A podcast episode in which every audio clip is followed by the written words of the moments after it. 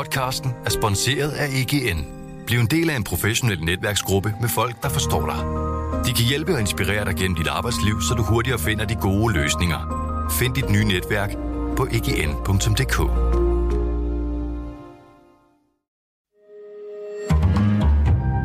Berlingske.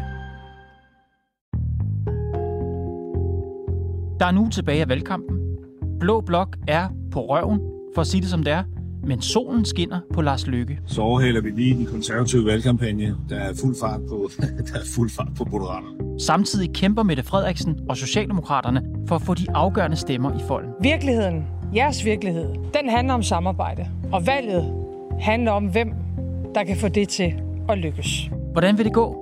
Det taler jeg med Lea Korsgaard og Tom Jensen om i dag, chefredaktør på henholdsvis Zetland og Berlingske. Mit navn er Kåre Svejstrup. Velkommen til.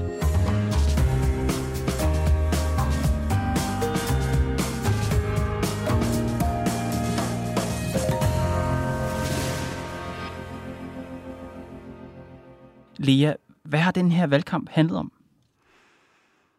Ja, det er jo det store spørgsmål. Jeg tror, hvis jeg skal give den et navn, så vil jeg kalde den den store alvors genkomst.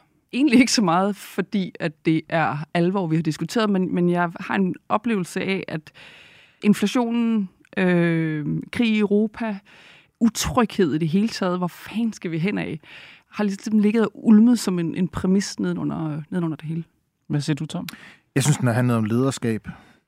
Det er måske lidt hen i samme boldgade, men lederskab i den tid, vi er i, på godt og ondt. De øh, partier, der har haft succes, har haft succes på at tale øh, øh, lederskab. De partier, der ikke har haft succes i valgkampen, har også øh, manglet succes på mm-hmm. grund af lederskab eller mangel på samme. Så hvis det er genkomsten af alvoren og lederskabet, der ligesom har været det, der har domineret, hvad har så overrasket mest Altså, der står den store uomgængelige overraskelse midt i det hele, som er øh, Lars Lykkes Moderaterne. Så er det efterårsferie. Autocamperen er kørt frem. Jeg er på vej i Danmark rundt for at føre valgkamp. Og har du lyst til at tage med, for jeg har brug for noget hjælp, så er du meget velkommen. Du kan læse mere her. Håber du tager med. På en eller anden måde burde det jo ikke komme bag på os, at han bare er en torpedo, øh, når det kommer til stykket, og, og kan, kan, kan se sin veje gennem det politiske landskab, som, som meget få i det her land. Øh, men alligevel må man bare sige, altså det havde ingen i hvert fald forudset for, øh, for hvad, tre et halvt år siden, mm-hmm. da vi gik til valg, at den plan, som han jo lancerede dengang, om lad os, lad os øh, søge en midterregering, nu er det, alle taler om. Blev du også overrasket, Tom? Ja, det gjorde jeg. Øh, altså, muligvis uberettiget overrasket, ja, ja, men, men jeg, blev, jeg blev overrasket øh, trods alt, fordi altså nu er det jo ikke i, i går, han stiftede Moderaterne. Han stiftede Moderaterne øh, for snart et år siden. Mm. Øh, sådan rigtigt. Ikke? Og har ligget der og rodet ned omkring øh, spærregrænsen hele tiden. I samme øjeblik, valget bliver fløjtet i gang, så stiger han eksponentielt i, øh, i målingerne. Det havde jeg i hvert fald ikke forudset på den måde. Øh, det hænger jo lidt sammen med, tror jeg, øh, den, den sådan anden store ting, der er sket i valgkampen, det er, at der har været så ufattelig meget rod i Blå Blok. Mm. Altså, der har været en, en fuldstændig nedsmeltning øh, hos øh, Søren Pape Poulsen og de konservative, gået fra 16-17 procent i målingerne til nu en 6-7 procent i mange målinger. Mm. Og borgerlige vælgere, der jo har skiftet parti, som de skifter underbukser. Ja. Altså, så, så, så, så jeg tror, det hænger lidt sammen med det. Øh, altså, der simpelthen er opstået en dynamik i valgkampen, især blandt blå vælgere, der er kommet øh, blandt andet Lars Løkke til gode. Jo, men så har han jo også...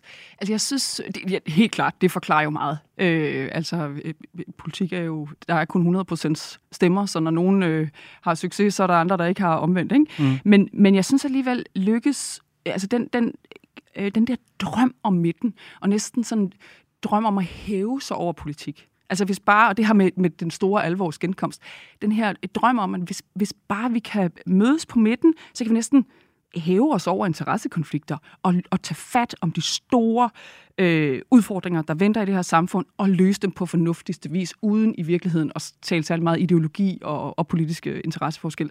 Tror du på det? Nej, altså al, al politik er jo en interessekonflikt, en mm. legitim, og skal være en, øh, en, en legitim interessekonflikt. Så nej, men, men, øh, men øh, så, så, så selvfølgelig, altså dem, dem, lad os se på det, hvis der kommer en midterregering, vil de jo også være øh, et interesseparti, bare for den, den store, lad mig kalde det, den store sådan vitaminmiddelklasse, vitaminpille-middelklasse, øh, som, øh, som er okay tilfredse, øh, men som også bare ønsker sig nogle politiske løsninger og fremdrift på de store spørgsmål. Hvad skal, hvem, skal, øh, hvem skal pleje os i fremtiden på plejehjemmene? Hvem skal stå nede i folkeskolen og, øh, og undervise vores børn? Mm. Øh, hvordan skal vi fikse det her klima? Jamen, øh, jeg, altså, jeg deler jo sådan set øh, sådan en grundlæggende skepsis over for sådan en bred regering. Jeg synes, de, de steder, man har haft en, både herhjemme og i udlandet, har det bare vist sig at føre til, at tingene stod stå i stampe, i stedet for faktisk at blive gjort. Men, men man må bare konstatere, at det har jo en klangbund derude. Mm. Og det er også derfor, jeg egentlig siger, at valget handler om lederskab. Fordi nu har vi to ledere. Vi har Mette Frederiksen og Lars Løkke Rasmussen, som begge to siger, at de vil have en bred regering. Socialdemokratiet går til valg på at danne en bred regering. For os er det vigtigt at få en bred regering, men det er også vigtigt, at det er en bred regering, der vil noget. Så kan man jo vælge at tro på det eller ej. Og det vil sige, at øh, de tilbyder et, et lederskab, der ligesom fagner. Og det tror jeg rigtig mange danskere godt kan lide at høre. Mm-hmm. Om de så får det ud af det, de gerne vil have på alle de områder, du nævner. Altså får vi løst de øh, udfordringer i den offentlige sektor, vi har? Får vi håndteret det, at vi har et krigspladet Europa med økonomisk krise, inflation osv. med en midterregering. Det er sådan et helt andet spørgsmål, som jo så må vise sig, hvis den kommer. Men det står nu, synes jeg, mellem to ledere, mellem øh, Mette Frederiksen og Lars Løkke Rasmussen, som tilbyder danskerne sådan et fagnende lederskab mm-hmm. i, mhm. deres, i alt, hvad de siger og gør. Jeg så en øh, komiker, der hedder Morten Wigman. Han skrev på Twitter, ud af alle kandidaterne er jeg nok allermest enig med den person, som Lars Lykke udgiver sig for at være. Hvad siger du til det, Lea? Nej, men jeg, jeg, altså, prøv at høre, det er jo ikke noget, han har opfundet øh, i går ideen om, eller drømmen om den her midterregering, øh, og drømmen om at mødes på midten, det går jo efterhånden øh, mange år tilbage. Men jeg tror, det er Morten Wigman hæfter sig ved, som jeg også tror, mange danskere spekulerer, og også mange af os, som måske overvejer at sætte krydset der. Mm-hmm. Altså, er det, hvilken Lars er det? Er det altså, tidligere talte vi om statsminister Lars og privat Lars. Nu er der også fortids Lars og, og nutids Lars. Altså, ja. kan man stole på det? Ja, det, det tror jeg for så vidt, men, men derfor så, altså, jeg, jeg tror da faktisk, det er, øh, eller jeg oplever det som, som meget oprigtigt, når han ønsker at gøre op med sin egen øh, symbolpolitik tilbage fra dengang, hvor, øh, hvor der stod, jeg ved ikke, hvor mange flygtninge og migranter, der bankede på, på vores dør. Det synes jeg allerede, dengang han var statsminister, man fornemmede, at han, han, at han var rimelig træt af, af Inger Støjberg, når hun gik til yderlighederne. Så det, det jeg, jeg, jeg sådan set, jeg betvivler ikke hans selvopgør, men, men stadigvæk så står der et projekt, som mange læser drømme ind i. Ja, og en af drømmene er jo den her midterregering, og ja. I taler også om Mette Frederiksen, Lars Løkke, I har næsten allerede øh, øh, sat regeringen. Tom, altså han har jo sagt, jeg vil ikke støtte en regering, jeg vil ikke have en regering, der baserer sig på DF, på Nye Borgerlige, på Danmarksdemokraternes mandater. Kommer han til at holde det? En eller anden skal give sig, hvis der ikke er enten blåt flertal eller rødt flertal efter valget. Og ultimativt kan det da godt blive Lars Løkke Rasmussen, der kommer til at give sig. Det kommer jo an på, hvordan, øh, hvordan tingene falder. Jeg, jeg tror da på, det er det, han går efter. Spørgsmålet er, om han, om han, om han kan det, han vil. Mm. Du talte med ham en hel time her øh, oppe i salongen øh, på Berlingske i går. Hvad fik du ud af den samtale? Jamen, jeg fik det ud øh, af samtalen, at han i hvert fald meldte, at det, han går efter, er en såkaldt SMV-regering. Øh, jeg ønsker jo en SMV-regering. Ikke? Små og mellemstore virksomheder. Øh, og, og, og, og Danmark er jo en virksomhed. Altså Danmark er en stamme, en familie, øh, og, og, og, og helt ærligt, jeg kan jo ikke tvinge Venstre eller de konservative ind i sådan en regering. Men, men prøv lige, prøv lige hold, lad os lige holde fast i den. Du ønsker en regering bestående af Socialdemokratiet, Moderaterne og Venstre. Ja, det er grundstammen i det. Og så må de konservative meget gerne også være med, og også åbne over for at diskutere de radikale. Så langt fik jeg ham i hvert fald til at gå, og det er da i hvert fald øh, mere specifikt, end han har været øh, hidtil. Men det fordrer jo, at øh, Venstre vil mm. gå ind i sådan et projekt. Ja. Øh, og der udstår jo også en diskussion om, øh, hvem skal være statsminister. Så jeg, jeg startede med at spørge ham, om, øh, om han kunne se sig selv som, som minister i en regering med Mette Frederiksen som statsminister. Og det brugte han rigtig lang tid på, ikke rigtig at svare klart på. Mm. Men, men det er klart, fordi det er, jo, det er jo hele hans, øh, hvad kan man sige, raison er jo, at han netop ikke peger på nogen inden. Så vil han, han bringe sig selv i problemer. Ikke? Men det, jeg synes, det er interessant at se. Jeg, jeg, jeg, min oplevelse er, at han virkelig har lagt sig et sted, eller tydeligvis jo har lagt sig et sted, som rigtig, som virkelig tiltaler mange borgerlige vælgere, mens Venstre og Konservative har altså lavet en stor krammebamse med det yderste højre, og lavet fælles videoer, fælles øh, pressemøder, og, øh, og, og virkelig omfavnet den fløj. Så ligger han så et andet sted og siger, altså, jeg, jeg, jeg kommer fra et borgerligt sted, det tror jeg ikke nogen, der vil betvivle stadigvæk i, i Danmark, men, men, men at bero sin politik på det, på de, mm. på det yderste fløj, det vil jeg ikke. Og så om det lykkes eller ej, det, det, øh, det bliver spændende at se.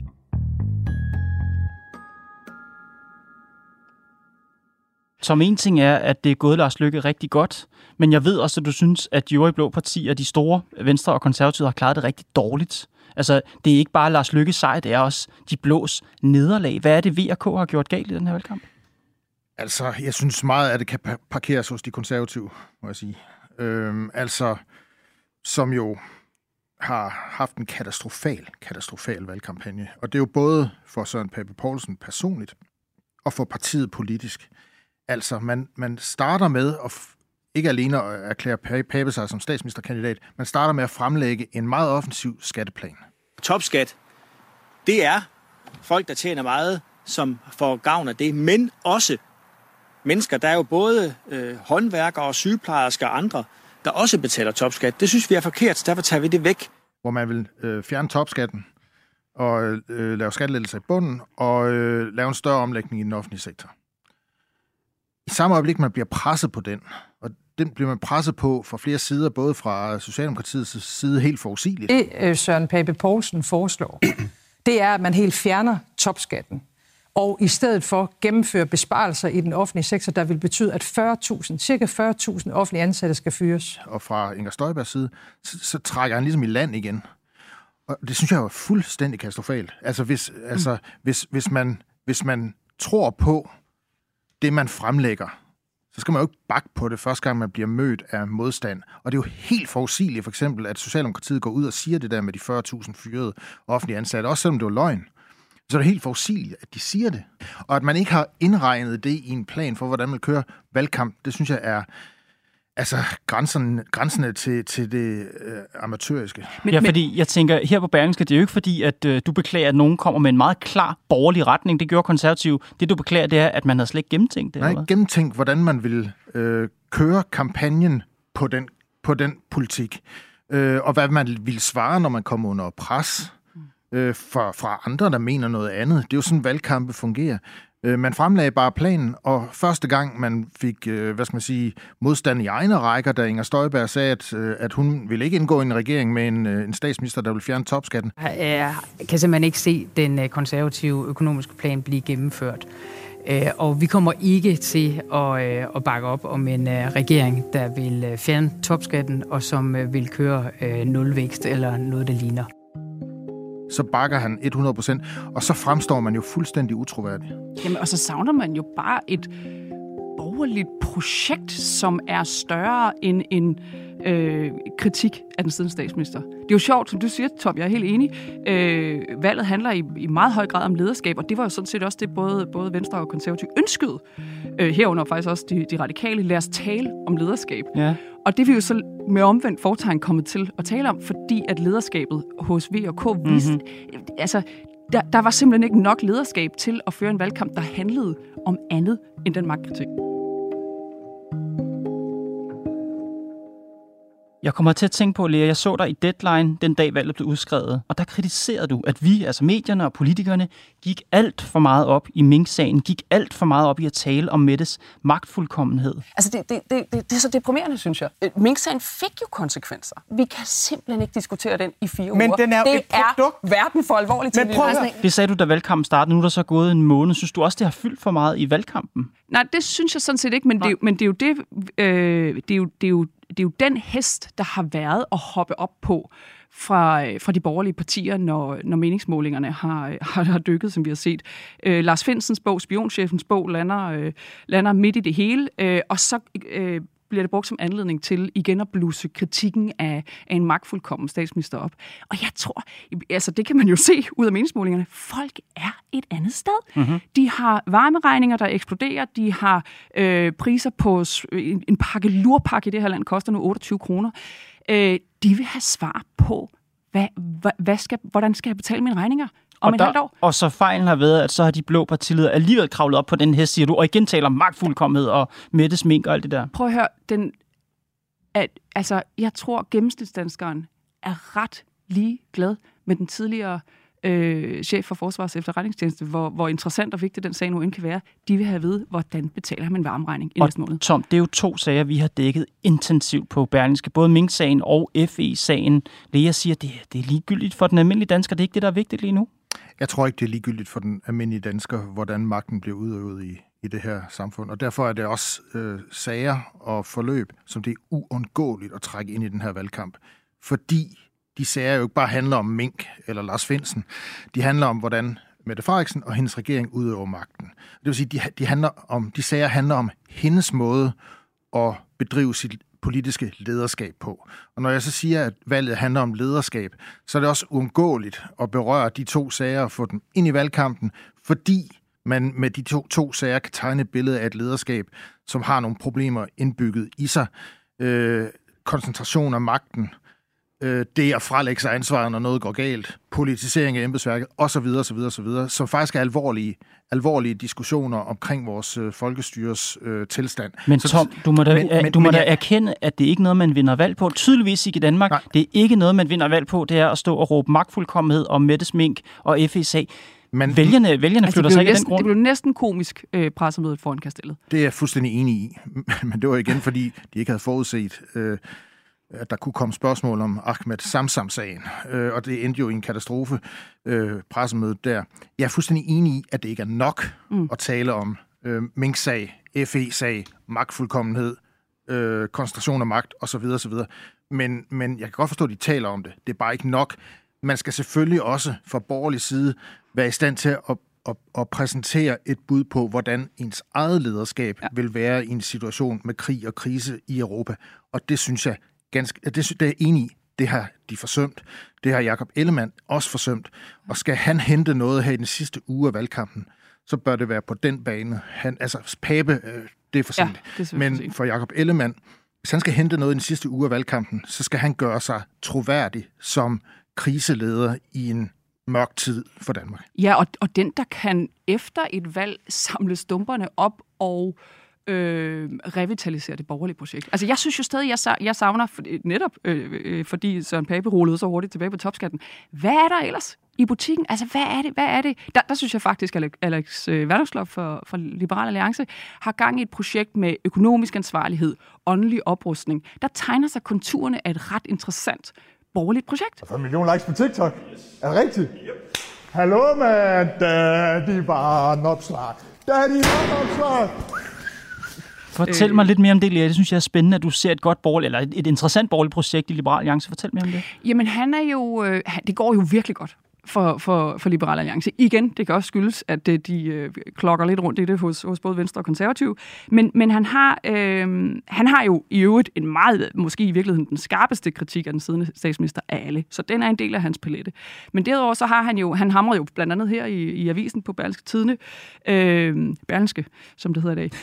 øh, undskyld. Okay. Øh, han hamrede jo mod netop både Pape og Venstre og sagde, det, altså i en, i en inflationstid, der bliver vi simpelthen nødt til og, og som borgerlige og, øh, og, og holde igen med, øh, med offentlige udgifter og, og, og, og kalde de andre ansvarsløse.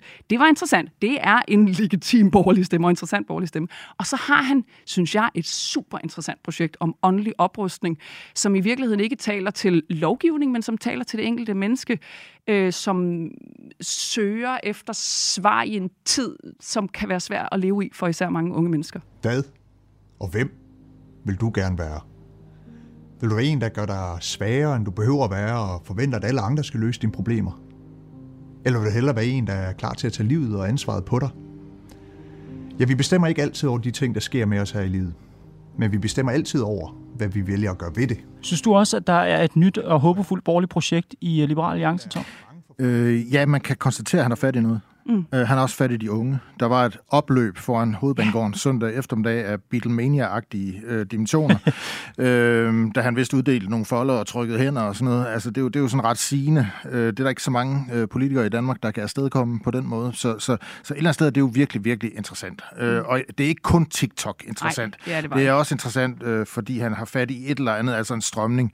Men der er jo virkelig, altså hvis man sådan tager udgangspunkt i det, så er der jo nogle døre at gå ind af for de borgerlige, også her i valgkampen sidste uge. Altså, forløbet har det været en valgkamp, hvor man kun har snakket om at bruge penge, ikke om, hvor pengene skal komme fra. Mm. Altså, det har været sådan et reformfrit valg. Øh, og, og vi undgår jo ikke at tale de der reformer efter valget. Det kan borgerlige begynde at tale om nu. De kan begynde at tale om, at, øh, at vi står i en, i en krigssituation i Europa, så, så forsvaret, mm. øh, vores sikkerhed osv., klar borgerlig dagsorden, de næsten ikke har snakket om. Ja. Øh, udlændingepolitikken har været nærmest fraværende. Øh, og den går jo på to ben. Det er både udenlandsk arbejdskraft, og så er det øh, asyl- og migrant, migranttilstrømning. Mm. Har næ- næsten været fraværende. Og få åbnet den diskussion på en ny måde, kunne også være en klar borgerlig dagsorden, men den har været fraværende. Men er det ikke bare fordi, at der er stemmer i den lange bane lige nu? Alle danskerne sidder derhjemme og er bekymret for de problemer, de mærker her nu. De vil bare have noget akut. De vil have noget, der virker her nu. De vil have øjeblikkelig ledelse. Sådan er det vel også i, i primært i Rød Blok, Lea. Altså folk vil have det kriseberedskab, som Mette Frederiksen repræsenterer. Det er det, de vil have nu. Så kan det godt være, at der er noget, vi skal redde på den længere bane med noget klima og noget øh, energi og noget økonomi. Men lige nu, der skal vi bare have noget tryghed. Jeg så læser det ikke helt. Jeg, jeg tror helt klart. Altså, hvad, hvordan... Hallo, min, øh, min gas- og elregning er stukket af. Hvad, hvad gør jeg? Ikke? Det er øh, absolut en, en legitim bekymring hos, hos rigtig mange mennesker. Men jeg tror nu også, eller det oplever jeg, altså bekymring om, hvad, hvor skal de hænder komme fra, der skal undskyld mit frisprog, tør mig i numsen, når jeg bliver gammel på, på plejehjemmet. Mm. Hvor, hvor, hvor skal de komme fra? Og i øvrigt tror jeg stadigvæk, klima fylder rigtig meget hos rigtig mange mennesker. Så, så jeg tror da, og, og det er jo i virkeligheden netop det, jeg synes, valget afspejler, det er nogen, der om ikke andet, så giver indtryk af, at de forstår de problemer, de tager dem alvorligt, de, øh, de er der med det lederskab, du taler om, Tom.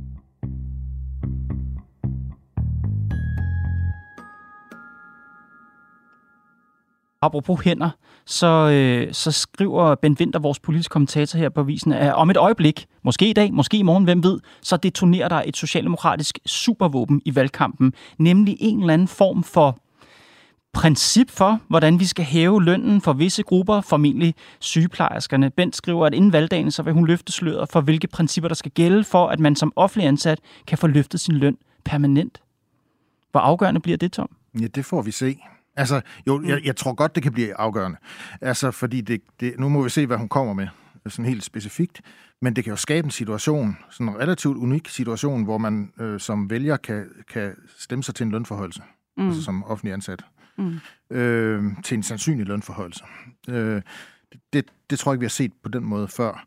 Øh, men det indebærer jo også nogle farer for Mette Frederiksen, fordi øh, afhængig af, hvad hun kommer med, så kan hun jo blive kritiseret meget, både fra øh, hvad skal man sige, borgerlige sider for økonomer, øh, for at være økonomisk uansvarlig, hvis hun kommer med noget, der er meget dyrt mm-hmm. øh, nu, og som kan forværre inflationen for alle danskere, også dem, der ikke er offentligt ansatte.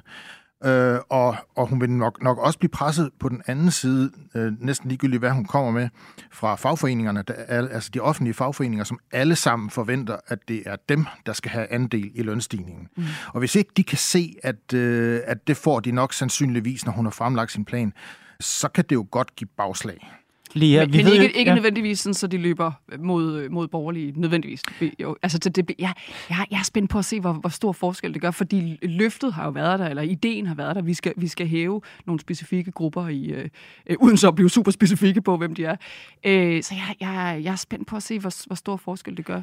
Tom, jeg får lyst til at spørge dig, har de blå noget supervåben tilbage? Altså, det går ikke skide godt for Blå Blok. Du står selv og savner et, et, et, et politisk klart projekt, især fra Venstre, eller du siger, Venstre Venstre har leveret på noget af det, men er der nogen blå supervåben tilbage her en uge før valgkampen? Jamen altså, øh, som, som jeg lige sagde før, altså, altså økonomisk ansvarlighed og reformer, øh, forsvars- og sikkerhedspolitik og udlændingepolitikken. Udlændingepolitikken har de sidste 20 år været supervåben. Det har alle glemt i den her valgkamp. Det er ligesom, om den er lagt død. Jo. Gud ja, det er næsten det, jeg er allerede mest overrasket øh, over. Det er, at vi ikke har snakket om udlænding. ja, ja. ja, ja. Øh, øh, ja. At få formuleret en udlændingepolitik, der peger fremad, Øhm, men der er, en er noget, uge, de... der er en uge tilbage, det kan de da ikke nå. Det ved jeg ikke. Jeg ved ikke, hvad de har i lommen. Øh, men, men, men, men man kan konstatere... Den de... fremad? Der, der er jo efterhånden, er vi jo sådan en konsensussted, hvad det der angår. Jeg, det virker jo som om, eftersom det ikke har været tema i valgkampen, at øh, vi landede et sted, hvor folk er egentlig okay tilfredse. Det ser jo ikke ud som om, nu må vi jo se, men det ser jo ikke ud som om de tre øh, yderste partier på, på højre form kan for eksempel til sammen mønstre flere end Dansk Folkeparti parti kunne tilbage i 2015. Ja, derfor tror jeg også, det er en, en anden formulering af en udlændingepolitik, ja. end den vi har set de sidste 20 år. Ikke, ikke en sådan slap udlændingepolitik, men en anden formulering af en udlændingepolitik. Okay. Vi, ved, vi ved, der mangler arbejdskraft. Det vil sige, vi, vi kommer til at stå i en situation, hvor vi skal tiltrække også ja. udenlandsk arbejdskraft. Vi ved til gengæld, at asyltilstrømningen også fortsætter, så det kan godt være, at der er behov for yderligere opstramninger der, men der er bare ikke nogen, der snakker om det. Ja. Der, Lykke han har jo faktisk kommet med øh, et forslag, et, et, et, et, hvor man så må sige, et, et forslag, der, der har udspring i, mm. i sådan lidt mere traditionel borgerlig tankegang, men, men som ikke ligger sig over i, i symbolpolitikkens øh, fiksfakserier. Og så ved vi også, at der jo stadigvæk er kæmpe store problemer med integrationen i, mm. i, i mange områder af Danmark. Statsministeren er jo gået ind med den der, altså med hårdere straffe, Øh, man kunne også gå ind på andre områder. Så Berlingske bragte jo i går historien om to gymnasielærer fra Københavns øh, Vestegn, som fortæller om, hvor umuligt det er at undervise i gymnasiet på grund af tosprogede elever, som simpelthen er ude af stand til at følge undervisning eller ikke vil. Så der er jo, der er jo massive problemer stadigvæk, som man godt kunne gå ud og tale om. Også tale om, hvordan man skal forsøge at løse, men det har været fraværende. Jeg får lyst til at spørge dig, Tom. Altså, er vi tilbage ved så, at Lars Lykke er det eneste håb for Blå Blok? Altså her en uge før, uh, før, før valget skal afgøres? Nej, men jeg vil sige det på den måde, hvis man ikke er villig til at træde igennem på det, jeg vil kalde kriselederskabet øh, fra Blå Bloks side, så ender det jo med, at man kan stå i en situation, hvor det faktisk øh, så øh, ligger til ham. Så jeg, jeg synes, det afhænger meget af, øh, hvordan, hvordan, øh, hvordan især Jacob Ellemann øh, går til øh, hvad skal man sige, valgkampen i den sidste uge. Jamen, de har godt nok travlt. altså, det, øh, og, og det, uden at skulle tage, tage soverne for blå blok på, på forskud på deres vegne, så, så vil jeg, øh, hvis jeg var dem, øh, mere begynde at tænke over, hvordan, hvordan samler vi det her op på den anden side? Hvordan, hvordan får vi et program, en, en, en politisk platform, som, øh, som er troværdig og, og, og, og taler langt mere ind i der, hvor øh, danskerne er lige nu, end det, de har kunne præstere. Lea Korsgaard, chefredaktør og medstifter på Zetland, og Tom Jensen, chefredaktør her på Berlingske. Tusind tak, fordi I kom ind og gav en lille status. Det var så lidt. Det var Pilestrædet for i dag. Programmet er lavet af Mads Klint, Johanne Dibjerg Holgersen, Nicoline Odgaard Sørensen og mig, Kåre Svejstrup. Vi er tilbage i morgen.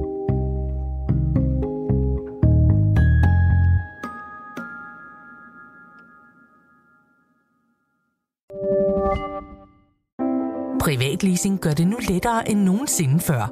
Når det kommer til elbiler, er Polestar 2 en sand stjerne på himlen. Med privatleasing af Polestar 2 får du ikke kun glæden af at køre en topmoderne elbil, men også fordelene ved lave driftsomkostninger lige fra dag 1. Du slipper for bekymringer om vedligeholdelse og service, for alt er inkluderet i den faste månedlige pris. Oplev friheden ved privatleasing af en Polestar 2. Besøg polestar.com.